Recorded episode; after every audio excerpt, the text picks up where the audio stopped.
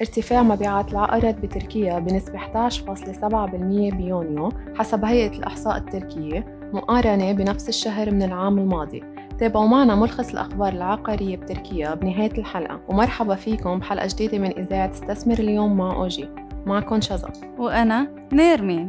واليوم موضوعنا حيكون عن مركز مهم جدا باسطنبول وهو مركز اسطنبول المالي الجديد. اللي حيضاهي مركز مدينة نيويورك بجماله. ورح يخلي مدينة إسطنبول تنحط على خريطة التمويل إنه رح يعزز النمو الاقتصادي في تركيا خصوصي بسبب مركزية موقعه المتواجد بين ثلاث قارات آسيا وأوروبا وإفريقيا. صح والمركز المالي الجديد بإسطنبول تقريبا اكتمل بناؤه بنسبة 81% حسب وكالة الأناضول ورح يبدأ التأجير فيه قريبا. ورح يكون له أهمية كبيرة على الصعيد الإقليمي والدولي. لهالسبب دول الخليج حيكون لها مشاركة بهالمركز وعدد كبير من الشركات الخليجية. وذكرت أنه رح يفتحوا مكاتب لهم للمشاركة بمركز إسطنبول المالي الجديد وأوضحت عدة مصادر أنه هالمركز حيكون عاصمة التمويل الإسلامي العالمي. صحيح وكمان رح يستقطب رؤوس الأموال الأجنبية بسبب موقعه الهام اللي عامل مثل وصلة ربط بين شرق العالم وغربه. وخلينا نذكر أنه المركز رح ينقسم لعدة مناطق. منها برجين مكتبيين وعدة جزر سكنية وبتكون أحجامه مختلفة بالنسبة للملاعب الداخلية والمناطق التجارية والمساحات المفتوحة اللي هتكون محاوطة للأبنية. وما ننسى ذكر المساحات الخضراء والمناطق العامة المشتركة. ومن المهم أنه نذكر أهم الشركات والبنوك الحكومية اللي رح تنوجد بهذا المركز وهن هالك بنك، بنك الزراعات، بنك وقف وحتى عدة بنوك كبيرة عالمية طلبت إدراجها بمركز إسطنبول المالي. وبالنسبة للمواصلات فيك تحكي لنا يا نرمين عن المواصلات المتوفرة لمركز إسطنبول المالي؟ أكيد.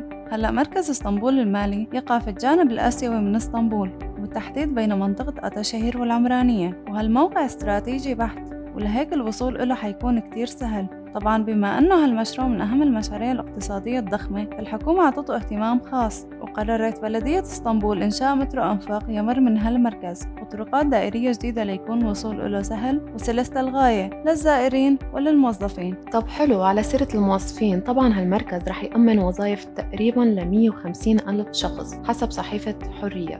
من يلي عم يدوروا على فرص عمل وهالشي بدوره رح يزيد الطلب على السكن فيه لأنه هالموظفين بحاجة لمكان يسكنوا فيه. طيب شو وضع استخراج الرخصة؟ وبالنسبة للتراخيص رح يقدموا تسهيلات كبيرة للمستثمرين للحصول عليها بس لازم ننوه لشغلة كتير مهمة هي أنه التساهل باستخراج التراخيص أبدا ما بيعني التساهل بالمواضيع الأمنية بل بالعكس منظومة الأمن عم تكون شديدة كتير وعم تنص قوانين صارمة وشديدة وهالشي بيصب بمصلحة المستثمر. بنفس الوقت بيحفظ الحقوق العامة. طيب تمام. وفي شغلة مهمة لازم نذكرها هي من أهم مميزات المركز المالي لإسطنبول على شو بيحتوي. فهو من أهم ميزاته موقعه الاستراتيجي بعاصمة العالم إسطنبول وقربه من الإيبش والإيسكسان المعروفين بالطريقين السريعين. ومن أهم مميزاته هي أنه رح يرفع قيمة المنطقة ككل.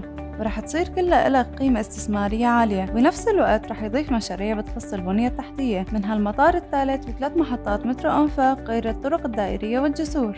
وبالنسبة لشو بيحتوي المركز المالي فرح يكون فيه أربع أقسام. مبنى البنك المركزي التركي الوكالة الرسمي للتنظيم والرقابة المصرفية مجلس أسواق رأس المال مقرات أكبر البنوك الحكومية اللي ذكرناها من قبل مكاتب وفنادق ومراكز تسوق ومراكز ثقافة وقاعات مؤتمرات. تمام. وقبل ما نختم حلقتنا خلينا ننتقل لموجز الأخبار العقارية لهالأسبوع ارتفعت مبيعات العقارات بتركيا بنسبة 11.7% بحزيران بحسب هيئة الإحصاء. بالمقارنة مع نفس الشهر السنة الماضية وصارت 150,509 عقار. وارتفعت مبيعات العقارات للأجانب بنسبة 81.8% مقارنة مع السنة الماضية. وتصدرت روسيا قائمة الأجانب اللي اشتروا عقار وبعدها إيران واللي بعدهم كانت العراق. وبالنسبة للولايات تصدرت اسطنبول القائمة ومبيعات العقارات فيها كان عددها 27998 ولحقتها إزمير وبعدها أنقرة. وهون بنكون وصلنا لنهاية حلقتنا لليوم ولا توصلكم الحلقات فور نشرة ما تنسوا تعملوا subscribe للإذاعة على Spotify Google Podcast Apple Podcast أو SoundCloud للاستفسار أكثر عن قوانين التملك في تركيا وخدمات اللي بتوفرها OG Investors لا تترددوا بالتواصل معنا على الرقم الموجود بصندوق الوصف. أو فيكم تتواصلوا معنا عبر ال social media at سلام!